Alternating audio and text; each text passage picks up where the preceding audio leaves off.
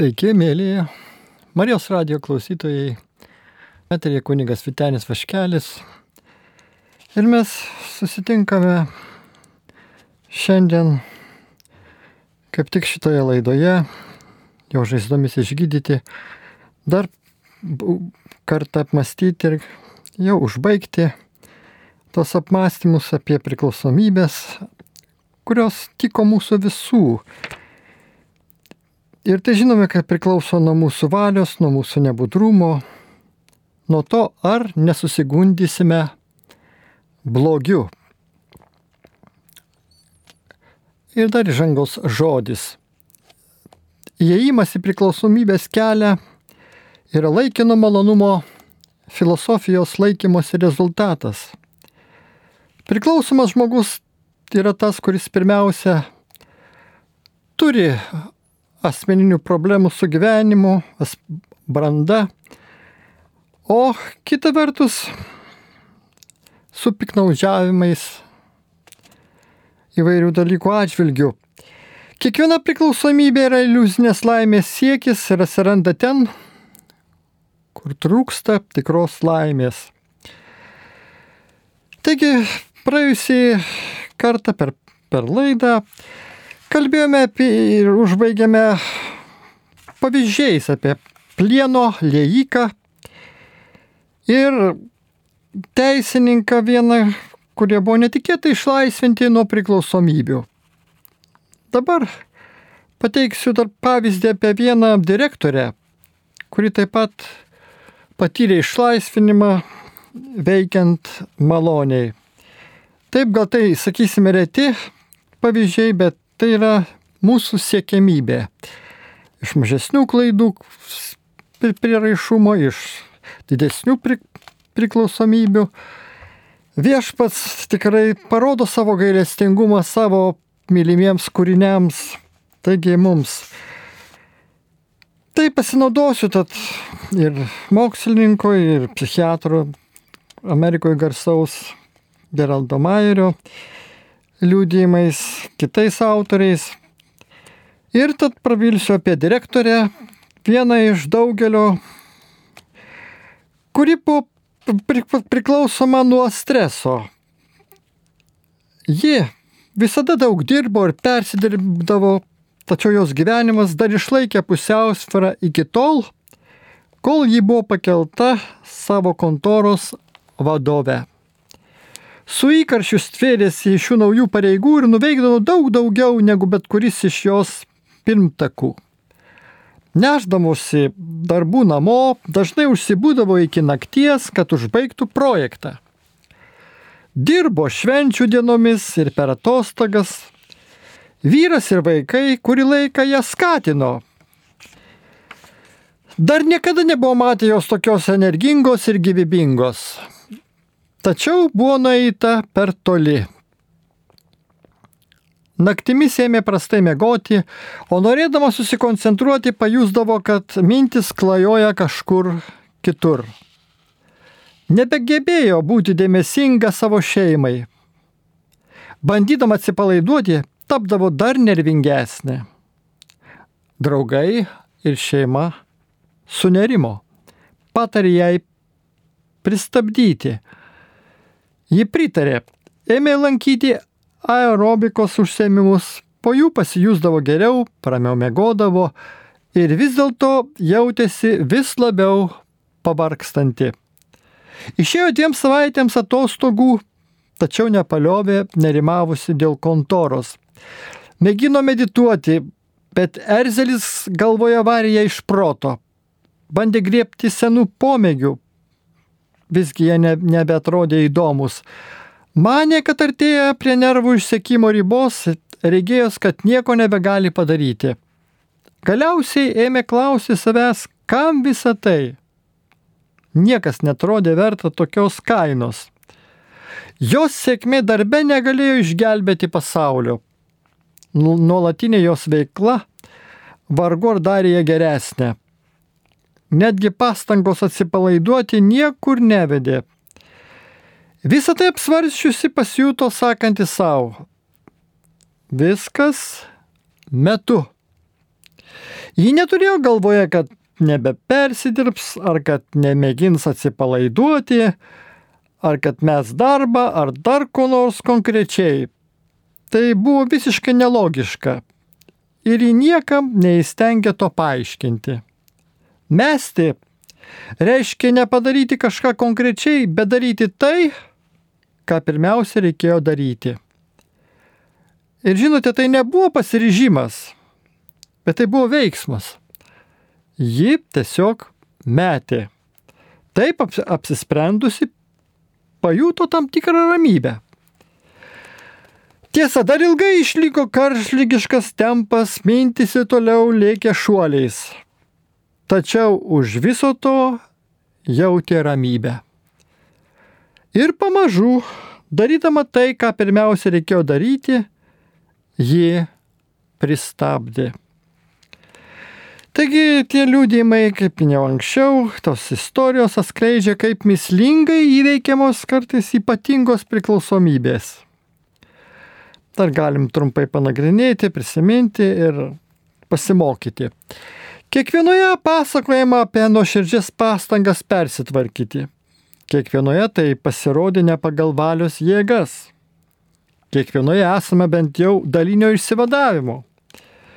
Šiems trims žmonėms, kaip minėjau, plieno lydytojui, teisininkui, direktoriai, kažtai kažkaip suveikė. Kiekvienu atveju priklausoma elgsena pakito, bet pakaitalo nebuvo. Šie žmonės vis dar yra linkę į priklausomybę, kaip ir mes visi, tik jie išmoko būti ypač budrus, kiek tai susiję su jų konkrečiomis priklausomybėmis. Tačiau jie iš tiesų išsilaisvino.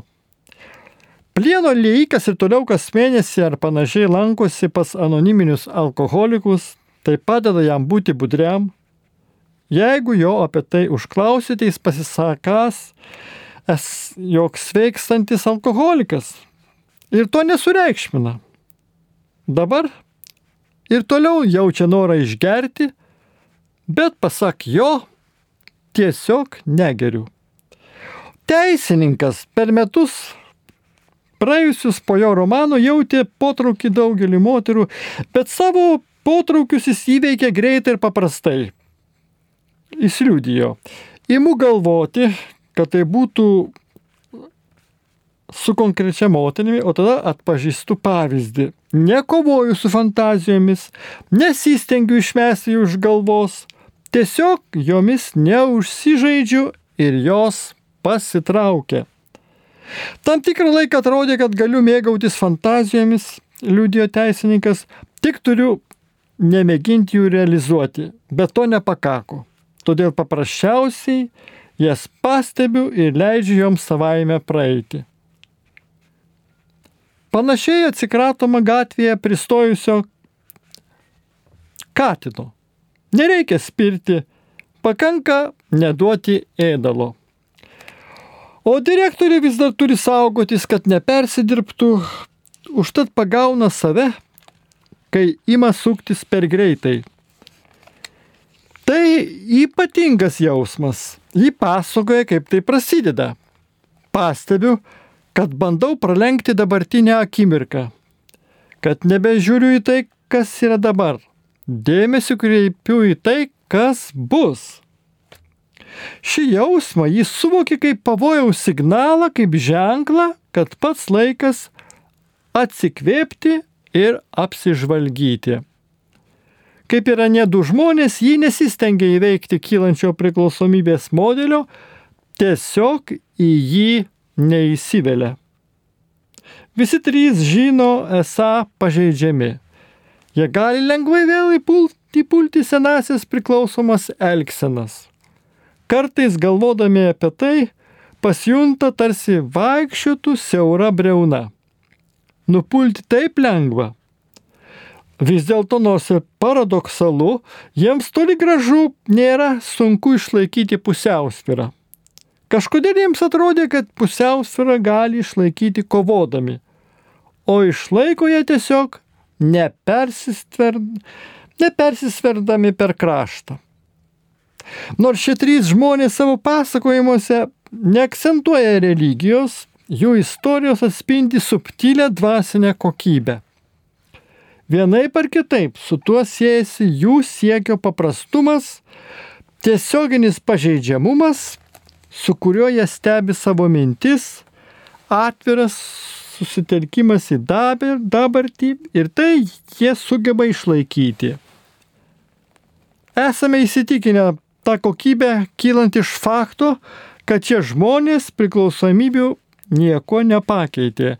Jie susidūrė su erdve ir tam tikrą prasme su ją susidraugavo. Šios istorijos įgautų kitą kokybę, jei plieno lėjikas būtų pasakęs. Kas kart, užuot išgeręs alkoholio, išgeriu kavos podelį ir man tai padeda. O teisininkas būtų pasakęs, metu tas mintis apie seksą iš galvos. O direktorė būtų tarusi, kasdien 20 minučių būtinai medituoju. Tokie teiginiai, teiginiai rodytų, kad tuščios erdvės buvo užpildytos, kad žmonės vis tengiasi samoningai kontroliuoti savo elgseną. Tačiau vietoj to Jos atspindi skaidrumą, švelnų, bet orų atvirumą tikroviai. Jie susidūrė su tikrai nepridengtų gyvenimu atviromis akimis. Kontempliacijos kokybę galima išvelgti kiekviename, kas susidūrė su tuštuma ir apsisprendė nesprūkti. Tokiems žmonėms išlieka pusiausviros erdvėje jausmas tarsi langas, atsiverintis tarp begalybės ir kasdienės patirties pasaulio. Dėl savo priklausomybių jie ne tik tapo išmintingesni ir labiau nusižeminę, sykių ir lengviau pasiekiami. Per savoją erdvę jie be perstojo kviečiami namo.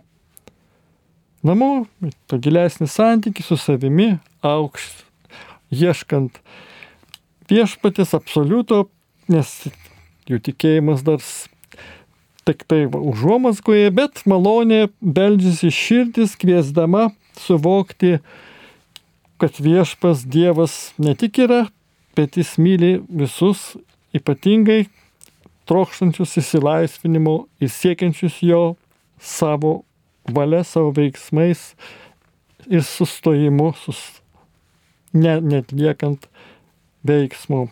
Be abejo, šitos istorijos yra tam tikros paslaptys, kaip tai viešpas va štai parodo savo gailestingumą. Tačiau viena aišku, tie žmonės, galima sakyti, jam jau ištarė tą savo į taip. Gal jie apie tai samoningai negalvojo, bet kažkas jų širdise norėjo susidurti su tuštuma ir likti su ją. Kažkas jų gelmėje apsisprendė nesprūkti, neieškoti priklausomybė kitų mažesnių priklausomybės pakaitalų.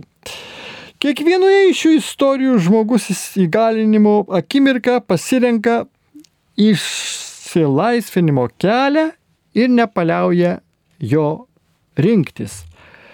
Ne vienas iš apsisprendimų nebuvo priverstinis kiekvienas asmo galėjo grįžti prie senosios priklausomybės elgsenos arba ją pakeisti kitą.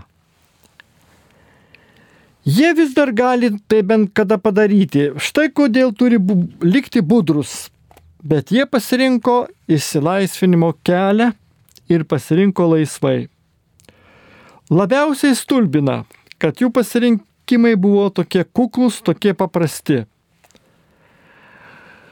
Po viso to, ką žinome apie tas dykumos kovas, apie, apie pasipriešinimą skeziai, apie pasišventimo galę, tikėtina, kad tokie apsisprendimai turi būti labai dramatiški.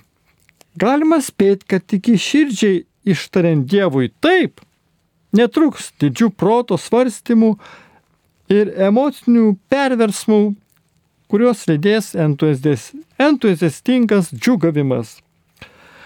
Ir vis dėlto šių istorijų taip ištartas, taip tyliai ir paprastai, kad vargu ar iš vis pastebėtas.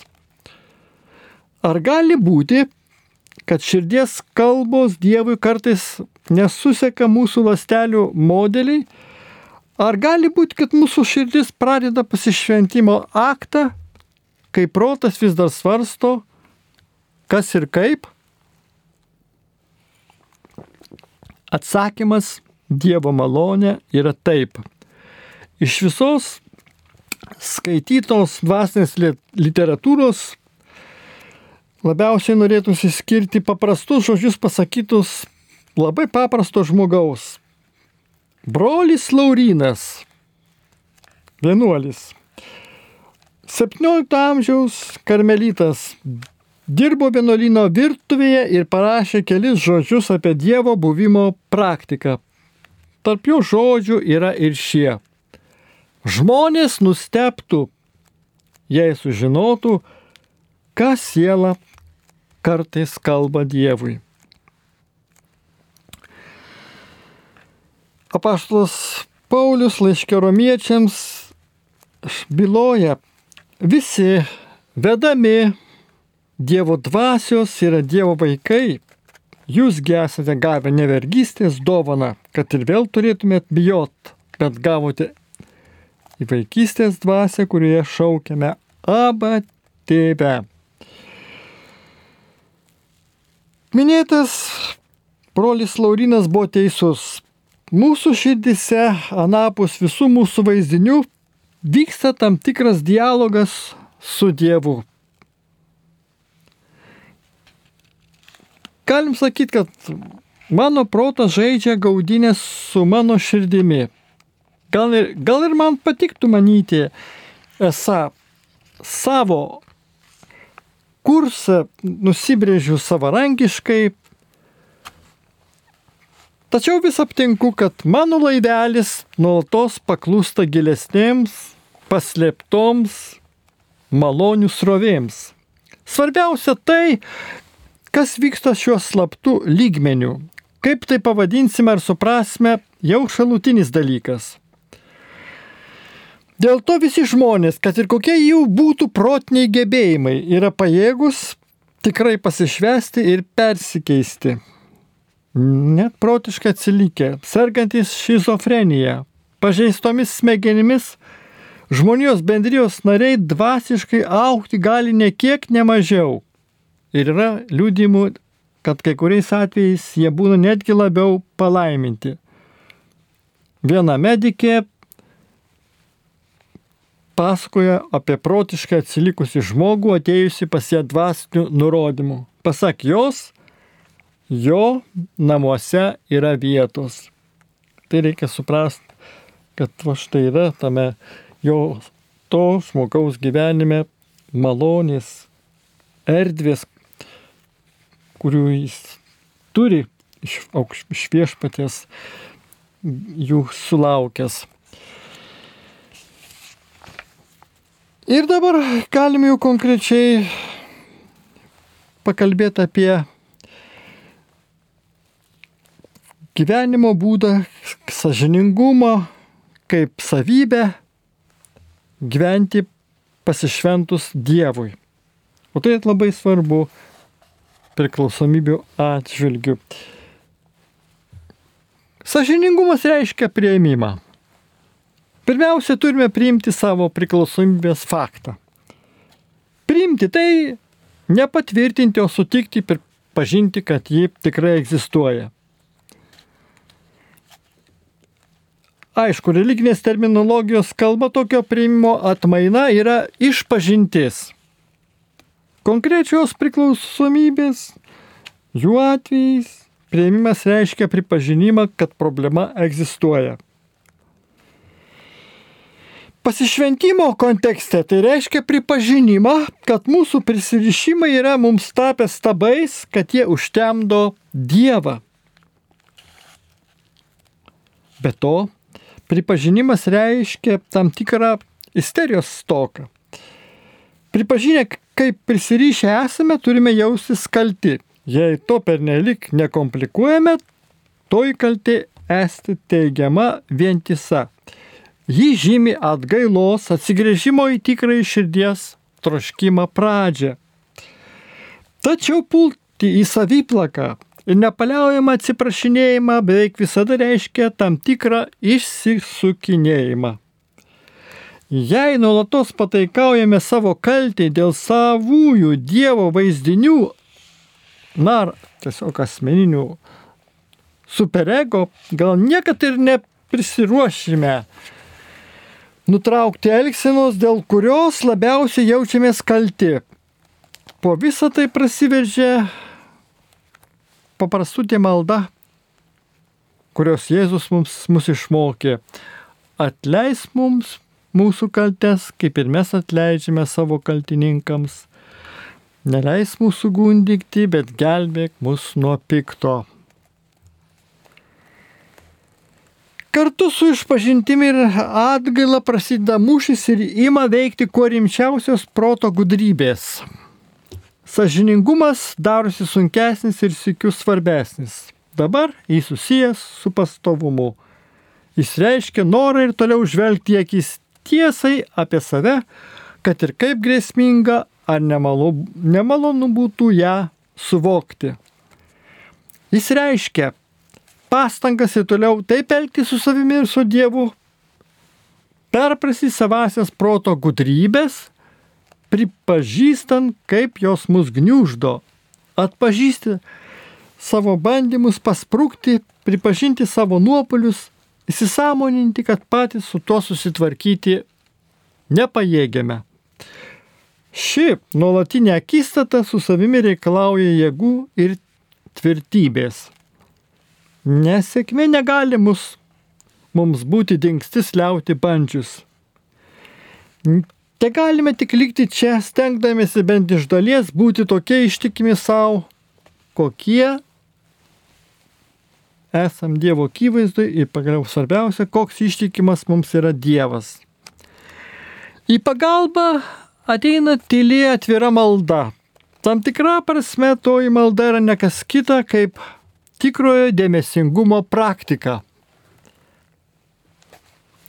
Čia kalbam ne apie A meditacija, kurios metu operuojama vaizdiniais, vaizdais ar Biblijos apmąstymais, o apie labiau kontemplatyvę praktiką, kurios metu tiesiog ramiai sėdima ir atsiveriama Dievui.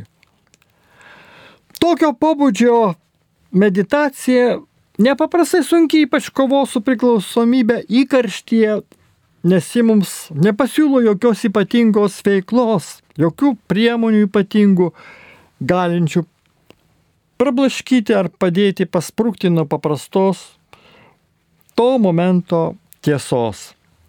Dėmesingumo meditacija gali būti tikra skezės praktika. Tai tarytum sielos pasninkas. Tai reikia tiesiog sėdėti, palinkusi Dievą, pastebint ateinančias ir nueinančias mintis bei pojūčius, nieko prie jų nepridedant, nieko iš jų neatimant. Protui leidžiama būti tokiam, koks jis yra, tačiau jis yra regimas. Tikrai maloniai veikiant, tinkamai praktikuojama šios, šioji meditacijos forma, tiek, kiek esame pajėgus ją atlikti, gali labai galingai atskleisti ir išsklaidyti proto gudrybės. Vienintelis proto gudrybių tikslas - amžinai išsaugoti prisirišimą, todėl mes nuolat mėginsime save, savo pasišventimui ieškoti kompromisų. Jis nepakenčia įsisukinėjimų, jis siekia tik įvykdyti du didžiosius įsakymus. Pasišventimas mūsų kovas iškelia iš asmeninės, egocentriškos mūsų protų srities ir išplečia jų prasme. Todėl priklausomosios mūsų smegenų sistemos darys viską, kas jų galėjo, kad tik susilpnintų mūsų pasišventimo jausmą. Nors jos niekada neįstengs visiškai sunaikinti mums esminio Dievo troškimo, tačiau proto gudrybės gali jį supainioti, iškreipti, net priversti mus jį visiškai pamiršti. Taigi, jau minėtas psichiatras, medikas Maieris liudijo apie save. Prieš keliarius metus suvokiau, kaip esu įpratęs kritikuoti kitus žmonės, pasitelkdamas skandų, sarkastišką humorą. Kartais taip žmonės pažemindavau. Man prireikė daug laiko, kad pripažinčiau savo humorą destruktyviu, bet galiausiai tai pavyko ir pamėginau liautis. Maščiau apie tai, rašiau dienoraštyje, meldžiausi, kalbėjau apie tai su draugais. Suvokiau, kad tai priešinga meiliai, kaip egoistiška, supratau, kaip slopina mano dėmesingumą Dievui. Tikrai jutau, kad Dievas mane ragina liautis taip elgusis ir tikrai norėjau nustoti. Nebuvo abejonės, kad taip pašventintas siekis. Ir tas medikas toliau liūdė, mėgindamas to įpročio atsikratyti, patyriau visas įmanomas kovas, kokiu tik buvo galima laukti. Jutau nutraukimo simptomus. Pakakdavo tik pe, taip nepasielgti ir sik pasijūsdavo blogai, o kartais mano piktis prasiverždavo labiau tiesiogiai ir drastiškiau. Man buvo sunku susidurti su tuštuma, likdavusia tos elgsenos vietoj. Jei negaliu dėl to pajokauti, ką tada man daryti? Nusprendžiau, kad kas kart susibūrimo ar pokalbio metu pajutęs kylant sarkazmo bangą, verčiau pasimelsiu. Iš pažiūros sprendimas atrodė puikus ir jis tikrai galėjo toks būti. Tačiau mano malda nebuvo paprastas nuoširdus atsigrėžimas į Dievą. Tai nebuvo prašymas Dievo pagalbos susidūrus su mano priklausomybės palikta tuštuma. Priešingai pati malda išvirto pakaitinę priklausomybę. Žinojau, kad taip nutiko, nes maldai trūko nuoširdumo. Ji nekilo iš širdies, sustabarėjo ir tapo automatiška. Maldos požiūriu mano pasišventimas buvo iškrypęs, liūdėjo Mairis. Nors ir pasitelkiau dvasinį metodą, bet paverčiau jį savo asmeninę metodiką užtemdančią ir Dievą, ir kitus žmonės. Te mačiau tik save kovojantį su priklausomybė, mano regėjimo laukia trūko malonės. Paskui sėki susibūrėme, kur irgi tai taikiau visą savo sustabarėjusią metodiką ir stojo tylos valandėlė. Sėdėdamas ten ir bent sik iš tikrųjų melzdamasis, staiga tai išvydau. Pajutau, be kylant postumį, ką nors siniškai pasakyti. Stebėjau, kaip mano mintis sueina į mažą maldos vaizdinį. Pajutau jo keliamą apribojimą erdvės praradimą. Atsipalaidavau, atsivėriau ir malda išsisklaidė. Malda kabutėse. Tada jau viskas tapo paprasčiau. Nuo šios sarkastiško humoro vis dar esu priklausomas. Tačiau vieną proto gudrybę pagavau ir jau šiek tiek labiau noriu stoti akistaton su erdve. Liekančia tada, kai neįsiveliu į šią elgseną. Ir manau, mano pasišventimas darosi kiek aiškesnis. Senovės dykumos tėvas Saba Pemanas yra pasakęs, būdėjimas, savęs pažinimas ir suvokimas. Štai trys sielos vadovai. Meditacija tik vienas iš būdų nuoširdžiai savistabai palengvinti. Kiti būdai - kasdieniai apmąstymai ir dienoraščio rašymas. Taip pat be galo svarbu tai apsvarsyti su kitais žmonėmis. Kad ir kaip mums mus pasiekia savistaba, bet ji būtina norit nuoširdžiai žvelgti savo santyki su Dievu ir prisirišimu. Pavyzdžiui, tai turiu galvoje melzdamasis. Tiesie tavo valia. Tačiau dėl tam tikro prisirišimo mano tikrasis troškimas, kad Dievo valia įsipildytų, visada esti ribojamas. Padeda buvimas kaip įmanoma nuoširdžiam galėjimas ištarti tiesie tavo valia, bet šitą dalyką norėčiau pasilaikyti. Visiškai nėra ko gėdytis tokios maldos. Tai reiškia, kad akivaizdon Dievo tokio, koks jis yra, stojame tokie, kokie esame. Tai iš tiesų pamoka, kad va, mes galime būti savimi ir pripažinti, kaip būdami tokie silpni maži, kad va, nenorime viešpatė dar šią valandėlę sutikti su tavo šventa valia. Norime dar pasilikti savo kažką, kas tau nėra mėla, bet, bet atleisk viešpatė.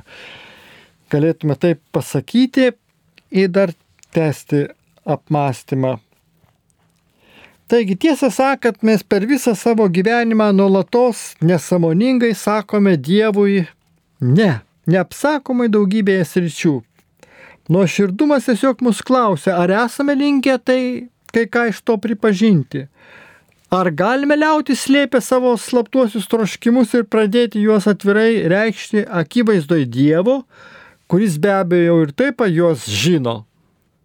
Daugelis iš didžiųjų Senojo testamento veikėjų turėjo tokios drąsos. Jie prieštaravo Dievui, ginčijosi, kovojo su juo, oriai gynėsi. Galima tai vadinti akiplėšiškumu, bet šie žmonės buvo garbingi ir atrodo, kad ir Dievas juos už tai gerbė.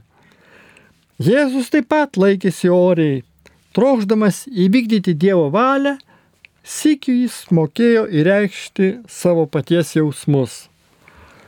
Nuoširdumas Dievo akivaizdoje reikalauja visų esmingiausio, kokį tik galima prisiminti tikėjimo rizikos. Surizikuoti, kad Dievas geras, kad Dievas besalgiškai mus myli, būtent išdrįsdami taip surizikuoti, iš naujo atrandame savo orumą. Stoti su visa tiesa apie save, tokie kokie esame, akivaizdon Dievo, tokio, koks jis yra, visų garbingiausias veiksmas, kokį tik galime atlikti per savo gyvenimą. Ir dar labai svarbis, svarbus punktas - paprastumas.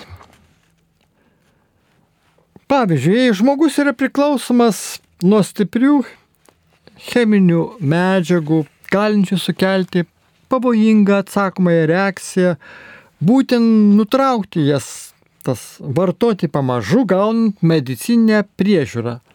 Lėtas nutraukimas gali metimo procesą prailginti kelioms dienoms ar savaitėms, bet vis tiek tai metimas. Nesvarbu, kaip mes norime plėtoti ir tobulinti priklausomos elgsenos nutraukimo procesą, jis vis tiek susiveda į štai ką. To nedaryti. Atsisakyti tai daryti ir nesiliauti atsisakinėjus tai daryti. Tai taip paprasta ir atrodo taip neįmanoma. Ir vis dėlto taip pasirodė jau įmanoma tiems minėtiems trims žmonėms, apie kuriuos jau buvo liudyta.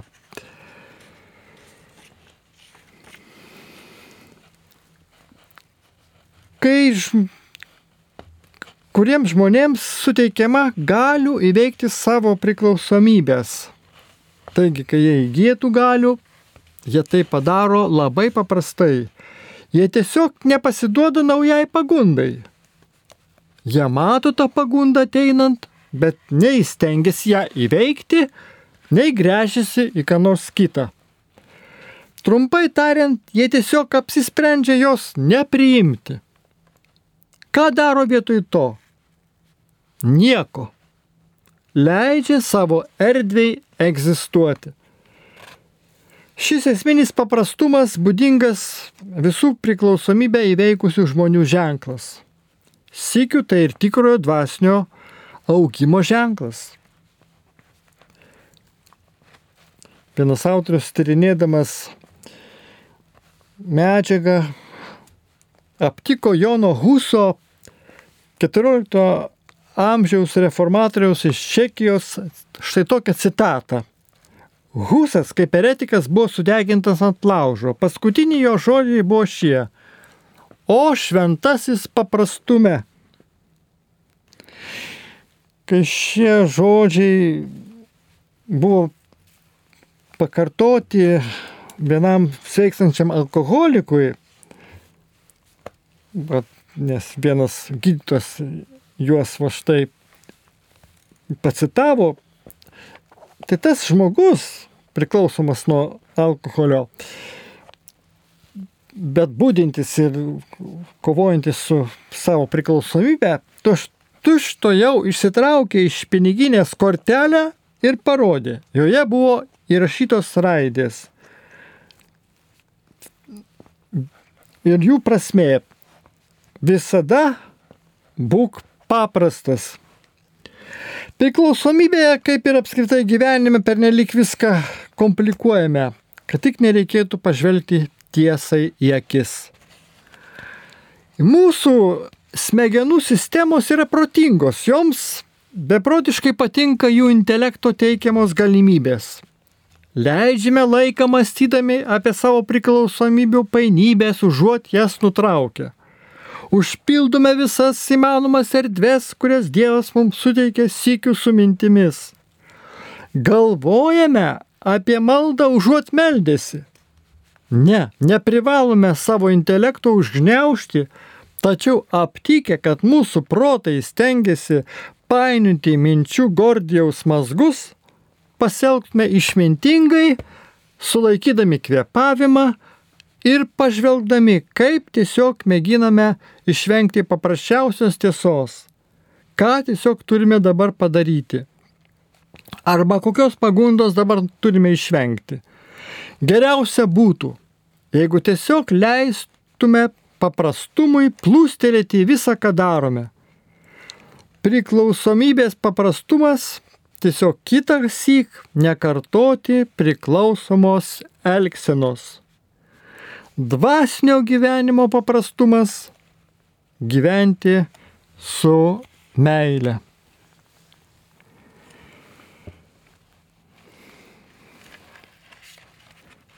Ir tos meilės siekinys, be abejo, mūsų brangusis viešpas, mums padedantis diena iš dienos artėti prie tos valandos, kai tikrai grįšime namo pas dangaus tėvą.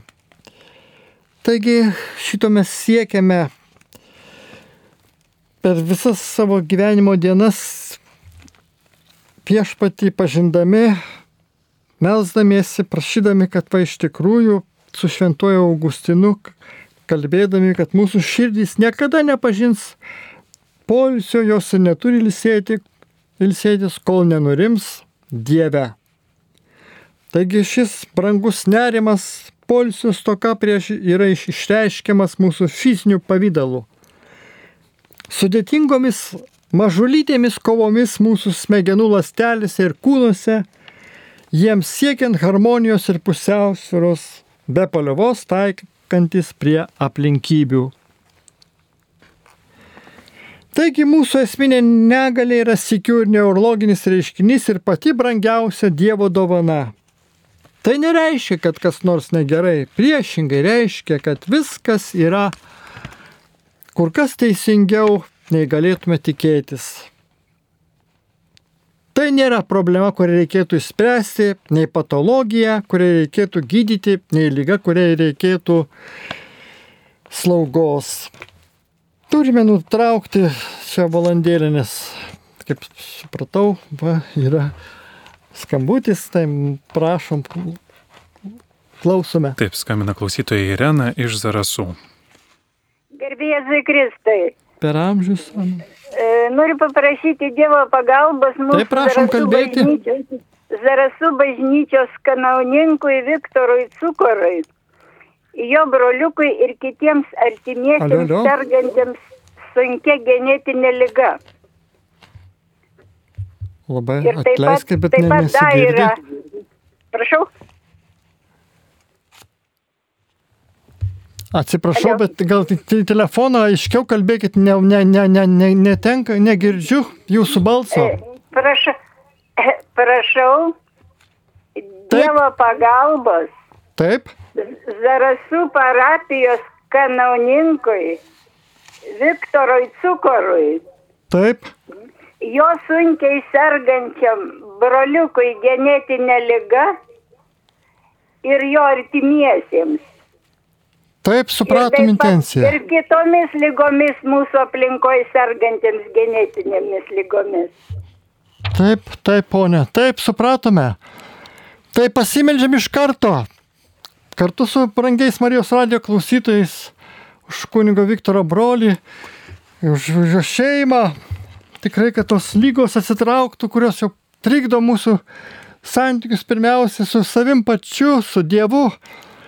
Ir viešpatė, pagal tavo valią mes šaukimės tavo gailestingumo, tavo pagalbos.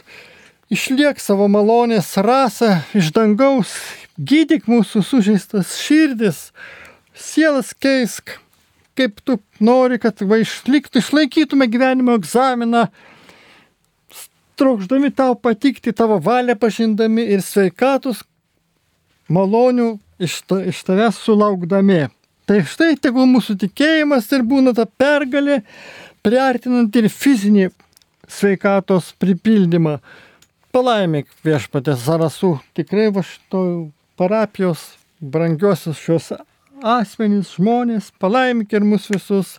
Dėkojame viešpatė už išklausytą maldą. Na, o dabar norėtųsi jau visai nedaug laiko beliko, trumpai ir prisiminti dar, kaip esu minėjęs, Hansą Baltazarą, kuris mus nukreipia į Kristų, dėl mūsų ant kryžiaus pasiaukojusi savo gyvybę, savo meilę, viską atidavusi. Ir tie žodžiai, vaizdiniai jo yra mums paskata, kad mes dar iki kraujų, kaip paštas Paulius sako, nekovojame dėl išlikimo tiesoje, atsisakant nuodėmės, vergyjos, priklausomybių jungo. Tai štai viešpats, kybodamas ant kryžiaus, va, to teologo Hanso Baltazaro žodžiais, štai ką jis išgyveno. Kai kabojau kentėdamas kančias ir į mano sielą graužėsi siaubas, jog esu paliktas atstumtas, jog mano kentėjimai bergždi ir viskas aptemo, o dangus tylėjo kaip niekinančio burna, mano kraujas tvinksniai sunkėsi per atvirus rankų ir kojų vartus ir sulik kiekvienu tvinksniu tuštėjo mano širdis, stiprybė upeliais plūdo iš manęs lauk ir manyje beliko bejėgiškumas, mirtinas nuovargis ir begalinė nejėga. Kol pagaliau priartėjo paslaptinga paskutinė vieta būties pakraštyje, o tada kryptis į tuštumą, griuvimas į bedugnę, prarajai, nyksmas, baigmė, tapsmo išnykimas, kraupi mirtis, kurią miriau tik aš. Byloja va štai viešpas šito teologo žodžiais, mintimis. Priimam viešpat ir mes va štai šitą iššūkį, apmastysim tavo kančią, semsime stiprybės ir jėgų ir būsime palaiminti, kai va štai tavo malonė lydės kiekvieną mūsų gyvenimo žingsnį, kai mes priimsim save su savo privalumais, priklausomybėmis, kurios mašta, kai mes viską tau Dieve atiduodame ir siekiame dvasinės pergalės tavyje. Baigiame laidą ir sakau su Dievu.